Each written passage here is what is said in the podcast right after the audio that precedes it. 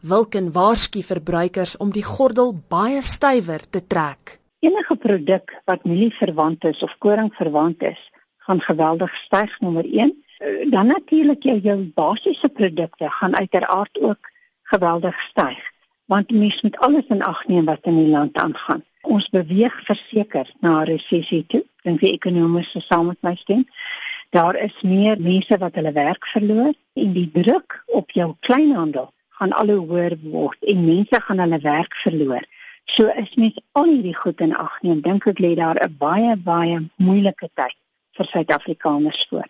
En wat ek vir Suid-Afrikaners wil sê is, hulle moenie nou om die nodige te koop geld begin leen om daaraan te voorsien. Probeer eerder minder koop as wat ons koop waaraan ons gewoond is. 'n Senior navorser by die Solidariteit Navorsingsinstituut, Paul Huber, verduidelik hoe die droogte die prys van mieliemeel beïnvloed. In die afgelope tydperk vanaf ongeveer so September Oktober in 2014 tot nou, dan het dit in uh, September Oktober 2014 met teen so ongeveer 1700 1800 rand per ton verhandel terwyl dit dan onlangs hier by die 5000 rand per ton begin verhandel het. Vulcan sê die huidige voedselmandjie vergelyk baie sleg met die van vorige jare. Dit is die eerste keer in twee dekades wat ons hierdie tipe droogte het. So dit was lank gelede wat ons met hierdie omstandighede in Suid-Afrika te doen gehad het en ek dink nie iemand het regtig die implikasie besef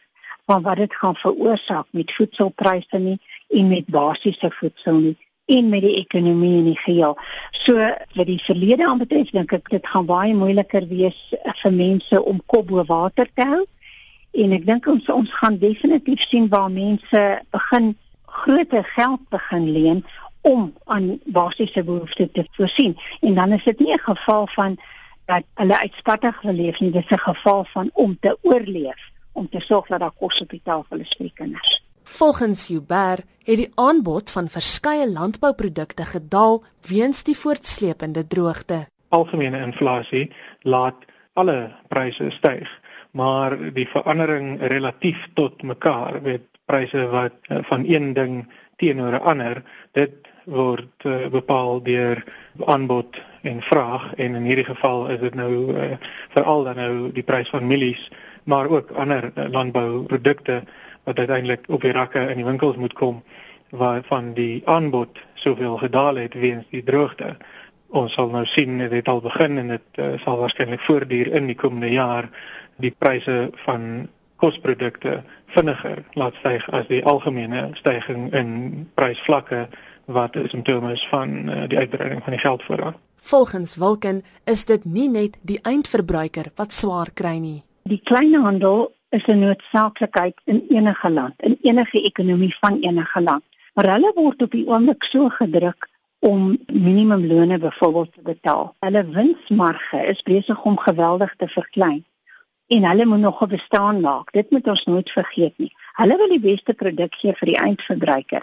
Die eindverbruiker dring aan op bekostigbare voedsel, maar hulle kan ook net aandring op dit wat beskikbaar is.